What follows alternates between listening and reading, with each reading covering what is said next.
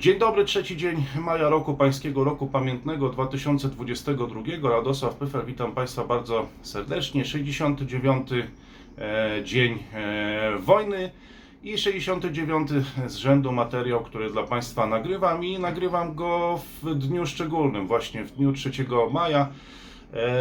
I to jest doskonała okazja do tego, żeby to był taki komentarz specjalny, bardziej refleksyjny, e, ponadczasowy.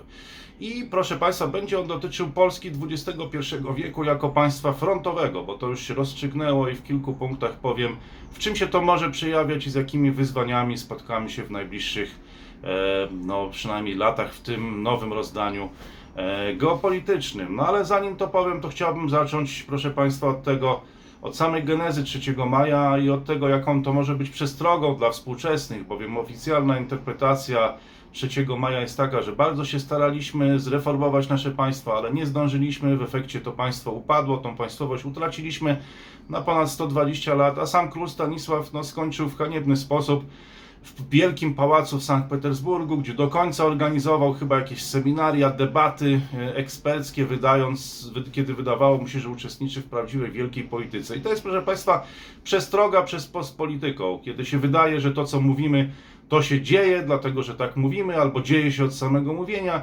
No i od e, tego że przestroga przed tym, że o wszystkim decyduje wizerunek człowieka światłego, człowieka oświecenia, wielkiego mecenasa sztuki, a kończy się to hańbą, jakimś zadłużeniem e, i upadkiem całego państwa. I to jest, wydaje mi się, pewna przestroga, od której chciałbym zacząć. To po pierwsze. Po drugie, bardzo chciałbym podziękować już ponad 100 z Państwa, 100 darczyńcom, którzy wspierają ten kanał, wspierają pracę naszego zespołu. To jest bezcenna rzecz dla kogoś e, zabierającego głos publiczny, dla osoby publicznej. Myślę, że każda z osób publicznych, e, czy zabierających głos publicznie, marzy, proszę Państwa, o wolności. A Państwo mi ją daliście, tak? No, może nie każda akurat osoba publiczna marzy o wolności, ale wielu zabierających głos publicznie marzy o wolności. Państwo tą wolność w minimalnym stopniu mi daliście i to bardzo szybko. W ciągu paru dni e, lista tych darczyńców przekroczyła 100 na Patronajcie i, w, i na koncie prywatnym.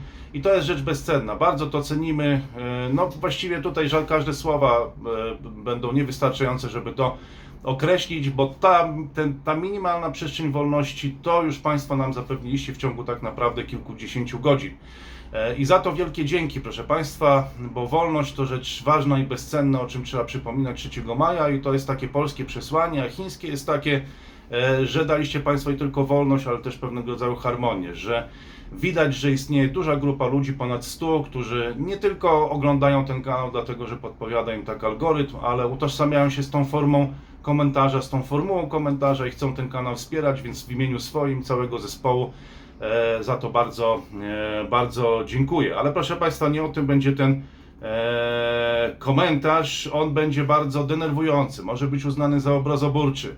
E, Ale ponieważ Państwo, i on się, to są tylko też spekulacje, chciałbym podkreślić, opinie, których dzisiaj nikomu nie opłaca się wypowiadać, ale ja będę je wypowiadał, dlatego że uzyskałem od Państwa na to zgodę. To Państwo wsparliście ten kanał i nawet 3 maja, proszę Państwa, będę czynił swoją powinność e, i będę wykonywał dla Państwa to, na co się umówiliśmy i co tak wielu z Państwa poparło, więc będę mówił o tych opiniach, y, o, będę spekulował na tematy, na które nie, raczej nie powinno się spekulować. To jest taki przyjęty, milczący konsensus, dlatego prośba tym razem o nierozpowszechnianie tego komentarza. Bardzo dziękuję za wsparcie kanału, natomiast proszę o nierozpowszechnianie tego komentarza, aby nie powodować niepotrzebnych, e, niepotrzebnego niepokoju. Ja tu jestem pewien, że mówię do elit, mówię do ludzi e, potrafiących wyważyć pewne argumenty, potrafiących myśleć krytycznie, nawet nie zgadzać się z tym, co ja mówię, kwestionować to, natomiast nie chcę, żeby to było gdzieś e, i bardzo cenię wsparcie państwa, tych osób, ale nie chcę też, żeby to się rozchodziło bardzo szeroko i powodowało jakieś niepokoje społeczne, zwłaszcza proszę państwa, teraz, kiedy Polska jest państwem frontowym, kiedy Polska jest państwem frontowym, bo konflikt ten trwa już, wojna trwa 69 dzień i pewnie prędko się nie skończy.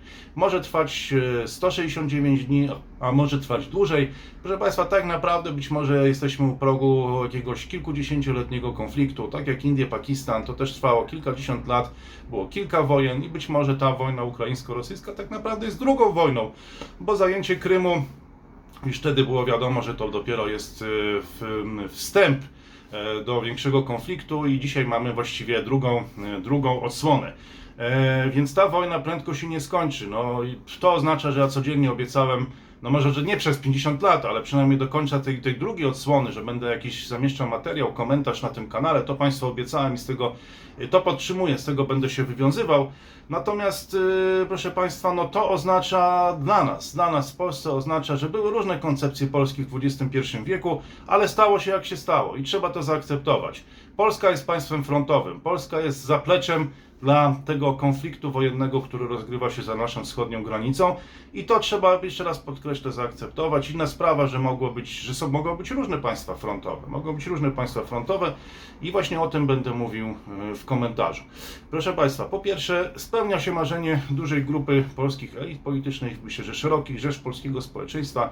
Polska jest już tak naprawdę e, tym państwem frontowym, sytuacja jest jasna. Wiadomo, kto jest e, wrogiem, kto, kto nim nie jest.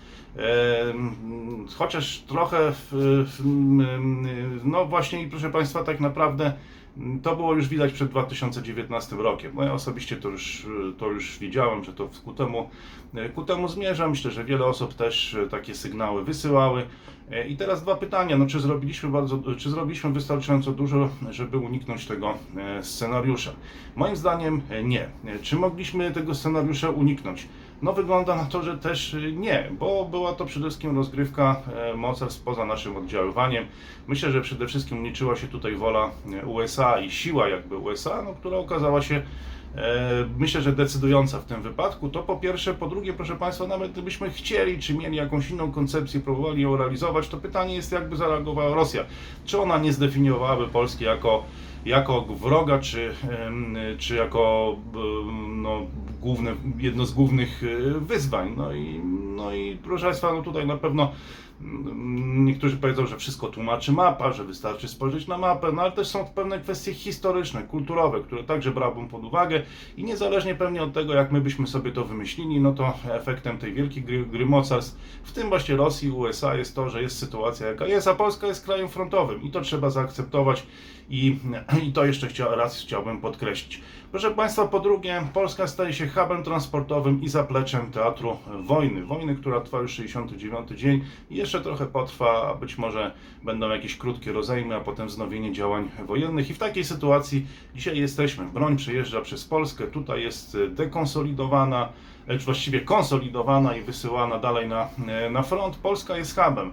Jest hubem nie handlowym, ale hubem można powiedzieć zbrojeniowym. Jest tym centrum logistycznym e, w drodze z zachodu e, na wschód i o tym się mówi otwarcie. No wystarczy poczytać, nie wiem, indyjską prasę czy brytyjską, gdzie o tym się wspomina. I co to może oznaczać, proszę Państwa, to, że, że Polska jest tym zapleczem tego teatru wojennego? No właśnie nad tym powinniśmy się zastanawiać, czy będzie to jakiś, nie wiem, szpital, czy zamienimy się w wielki lazaret. No na razie widać wyraźnie te ruchy migracyjne, raz w jedną, raz w drugą stronę.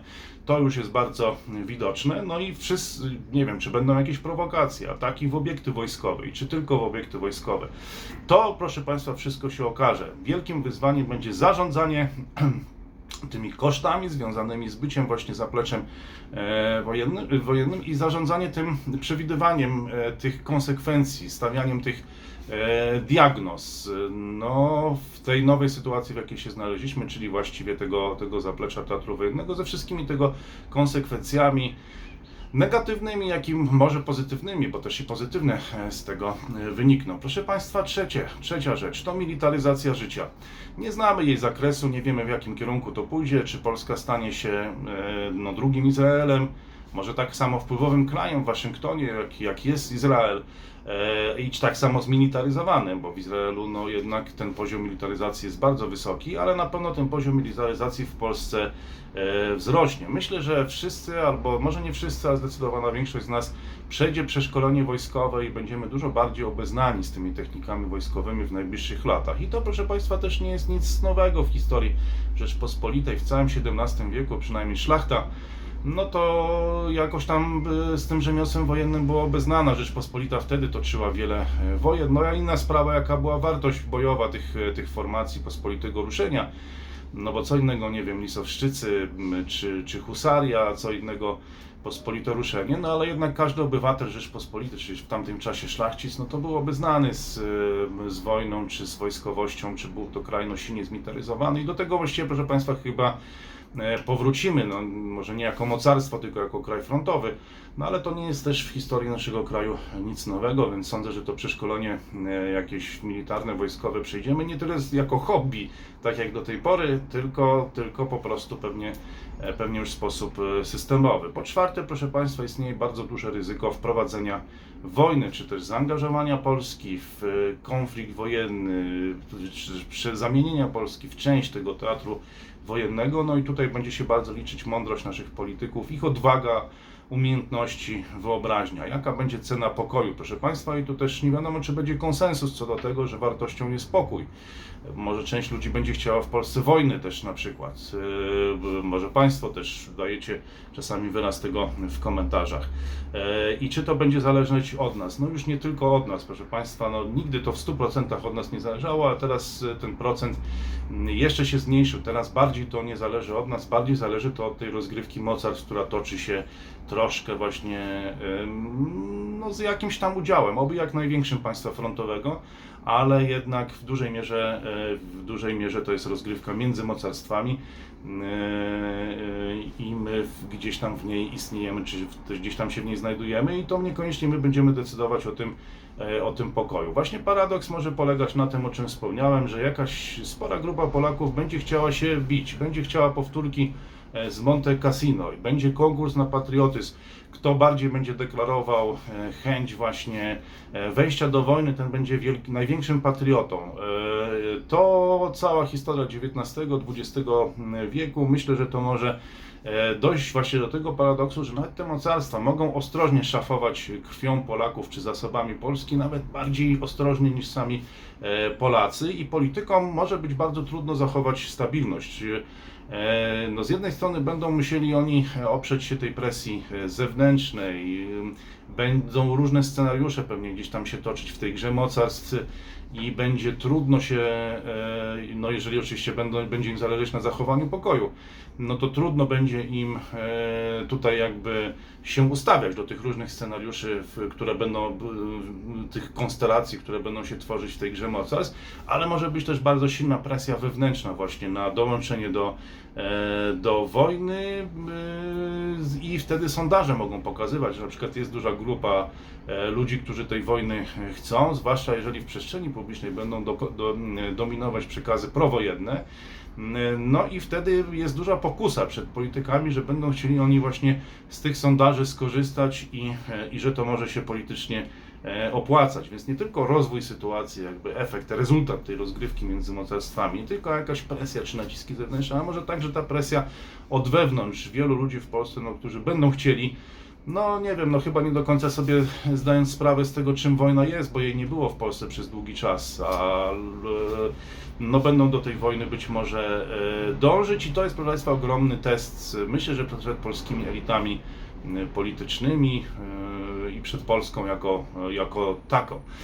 Po piąte, proszę Państwa, wydaje mi się, że zmierzamy w stronę państwa dwunarodowego. To jest napływ setek tysięcy ludzi już teraz z Ukrainy. E, No, widzieliśmy to w czasie Wielkiej Nocy w e, Polsce chociażby. No, to już była pierwsza tego typu Wielkanoc. No, dziesiątki ludzi, setki ludzi przed kościołami e, ze święconkami tydzień po, e, po Wielkiej Sobocie. No i to oznacza tak naprawdę, że już obchodzimy w Polsce Wielkanoc dwa razy. Nie tylko tak jak to w niektórych regionach Polski, gdzie mieliśmy przecież ludność e, prawosławną, ale teraz zaczyna ona stanowić bardzo widoczny odsetek i to są, proszę Państwa, no musimy dostos- dostosować do tego zupełnie mm, nowe e, oczekiwania, bo to już jest zupełnie inne wyzwanie. Przyjecha- tych ludzi jest już więcej, proporcja jest inna i to są też inni ludzie niż do tej pory. To jest inny model relacji między Polakami a Ukraińcami, którzy do tej pory przyjeżdżali e, z własnej woli jakby i głównie do pracy, a teraz część ludzi przyjechała nie z własnej woli i niekoniecznie e, do pracy, w związku z czym no to wymaga no, czy oni tę pracę pewnie podejmą, zobaczymy na ile się to uda, ale wynikną zupełnie nowe wyzwania i nie odpowie, zupełnie bezsensowne są jakieś bajeczki o II Rzeczpospolitej, które krążą w dyskursie publicznym.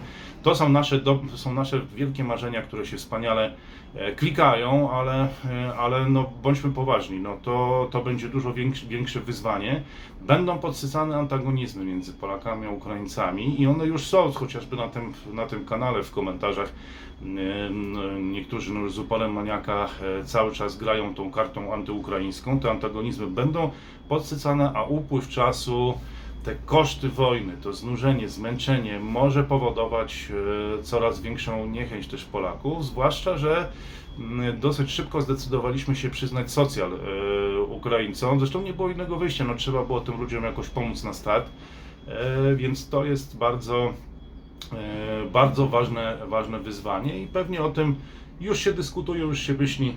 Ja przynajmniej oficjalnie za Państwa pozwoleniem i z Państwa poparciem mogę o tym mówić wprost na tym kanale. E, Po szóste, kolejna kontrowersyjna e, rzecz, o której trzeba wspomnieć przynajmniej na tym kanale z poparciem, za aprobatą e, państwa.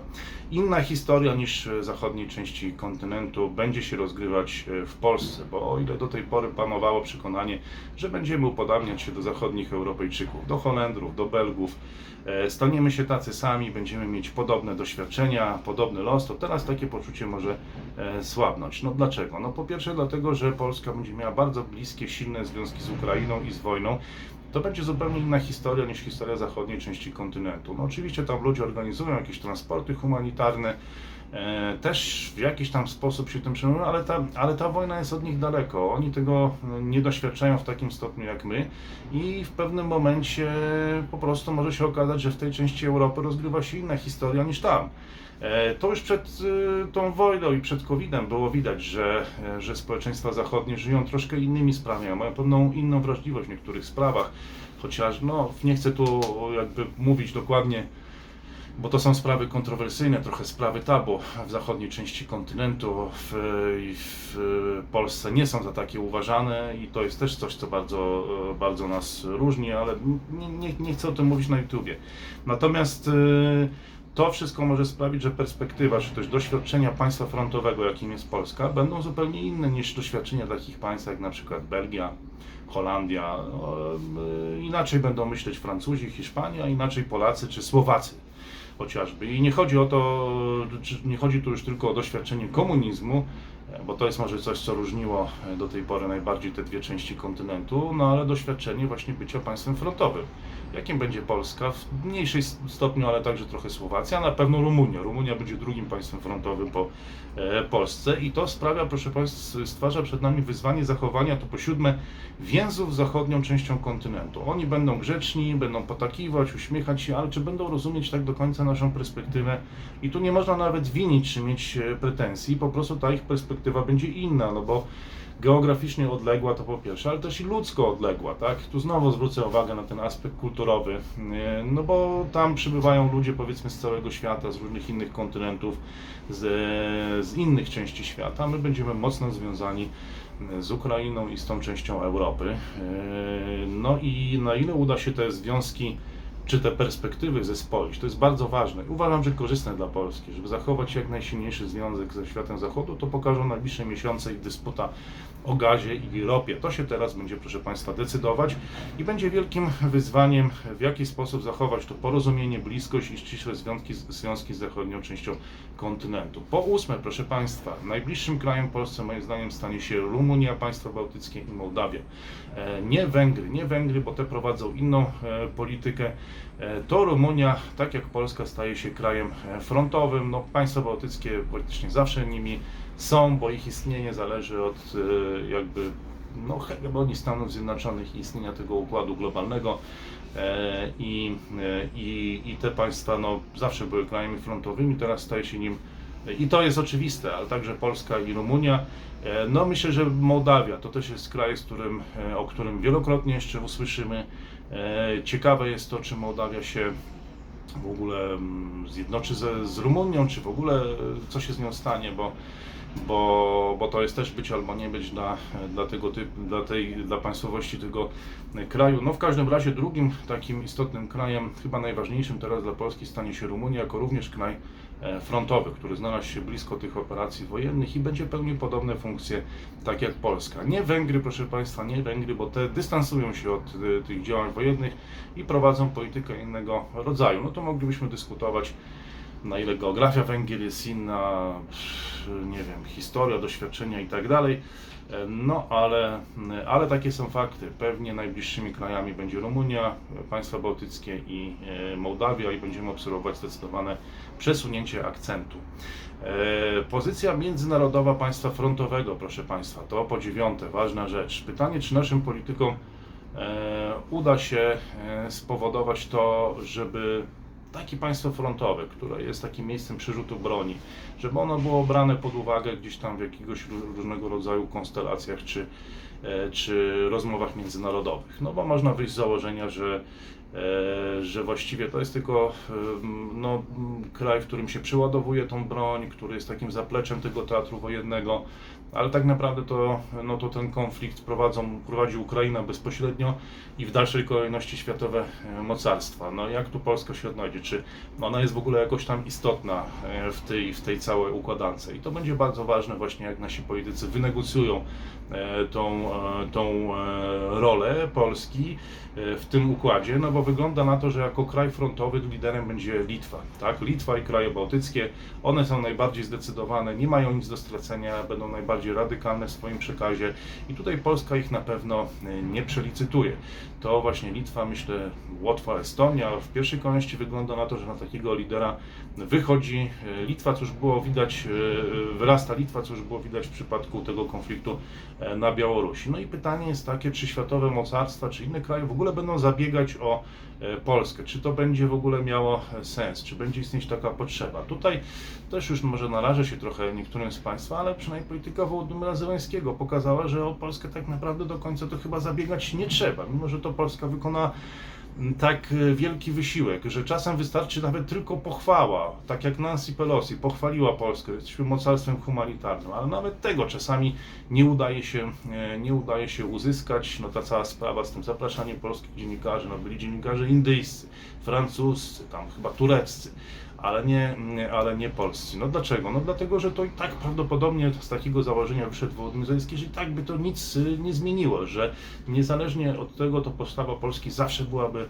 taka sama. No i pytanie jest takie, czy, e, czy e, czy uda się to zmienić polskim e, politykom, tak jak i to, że, że widzę, że za- zaczyna dochodzić do no niezbyt dobrej praktyki, że gdzieś tam światowi przywódcy, chociażby Boris Johnson, czy gdzieś tam w światowych mediach ukazują się informacje o tym, do czego dojdzie w Polsce, że jakieś przyjadą tam kontyngenty, że zostanie wykonany jakiś ruch i to ogłaszane jest poza granicami Polski, nie przez, nieoficjalnie przez Polskę, tylko przez inne czasem kraje, przez przywódców innych krajów. Wydaje mi się, że to też y, no, jest y, takie zjawisko niekorzystne i tutaj trzeba trzymać kciuki za naszych polityków, żeby spróbowali to, e, ten, ten, to, tą praktykę zmienić. No pytanie proszę Państwa, no G20, Polska gdzieś tam balansowała na pograniczu właśnie tej P- PKB, które uprawniało do, do udziału w obradach e, G20. No była to też ciekawa, interesująca postpolityczna narracja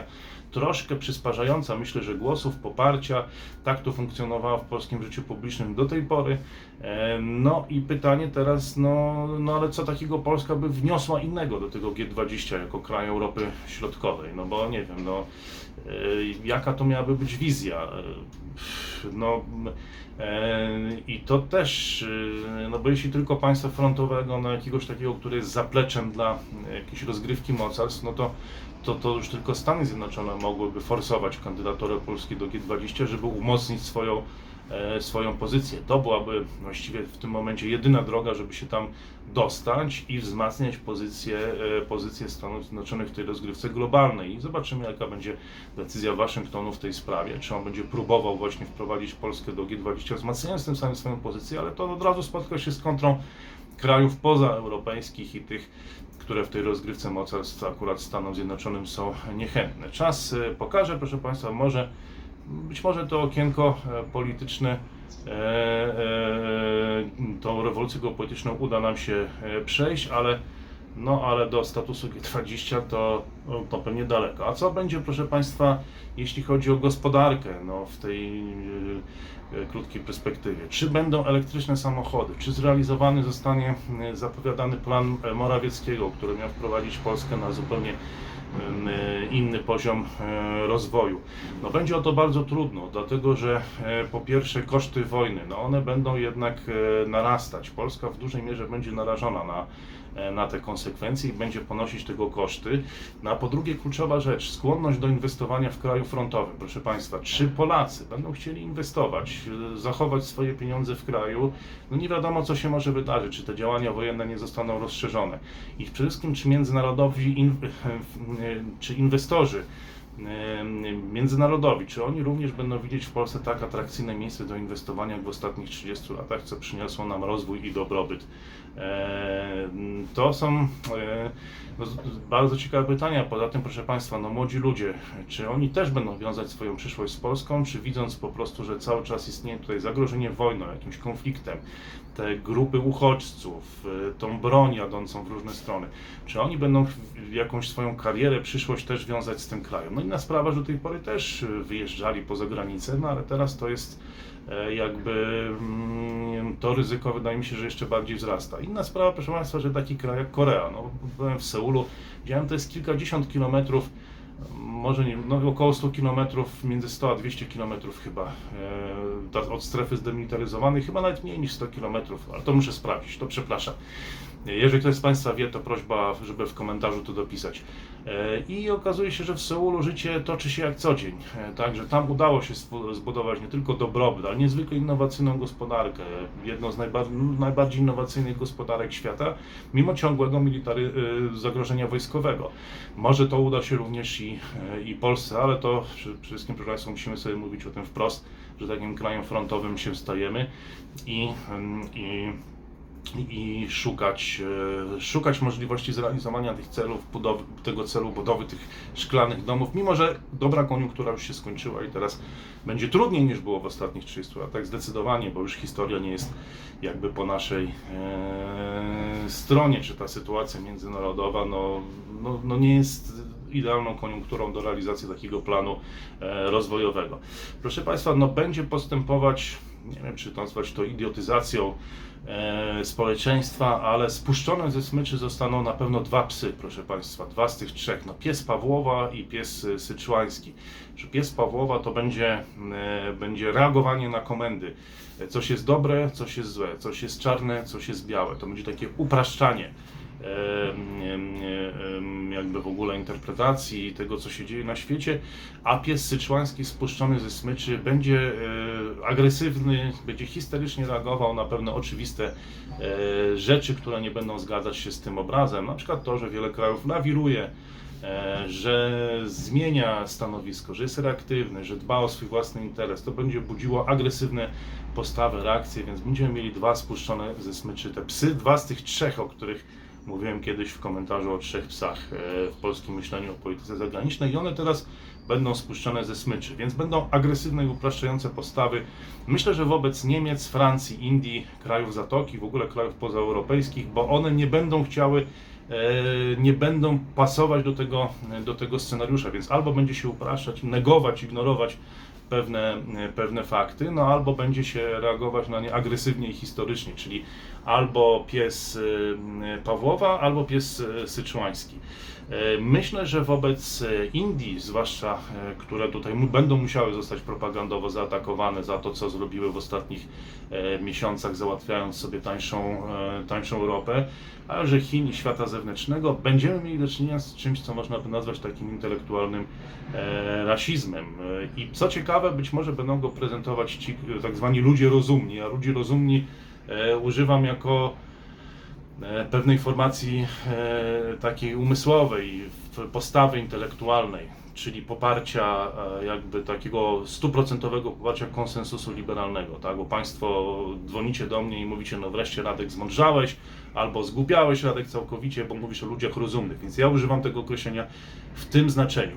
I ci ludzie rozumni mogą, proszę Państwa, atakować Indię e, czy Chiny i z takim podtekstem uważam rasistowskim, zupełnie nie biorąc pod uwagę kontekstu tamtej cywilizacji, jej dorobku, pogardliwie na przykład mówiąc o wschodzie, o jakichś despotiach. Bardzo dużo właśnie e, ludzi rozumnych w Polsce e, zachowuje się w ten, w ten sposób, zupełnie nie rozumiejąc świata pozaeuropejskiego.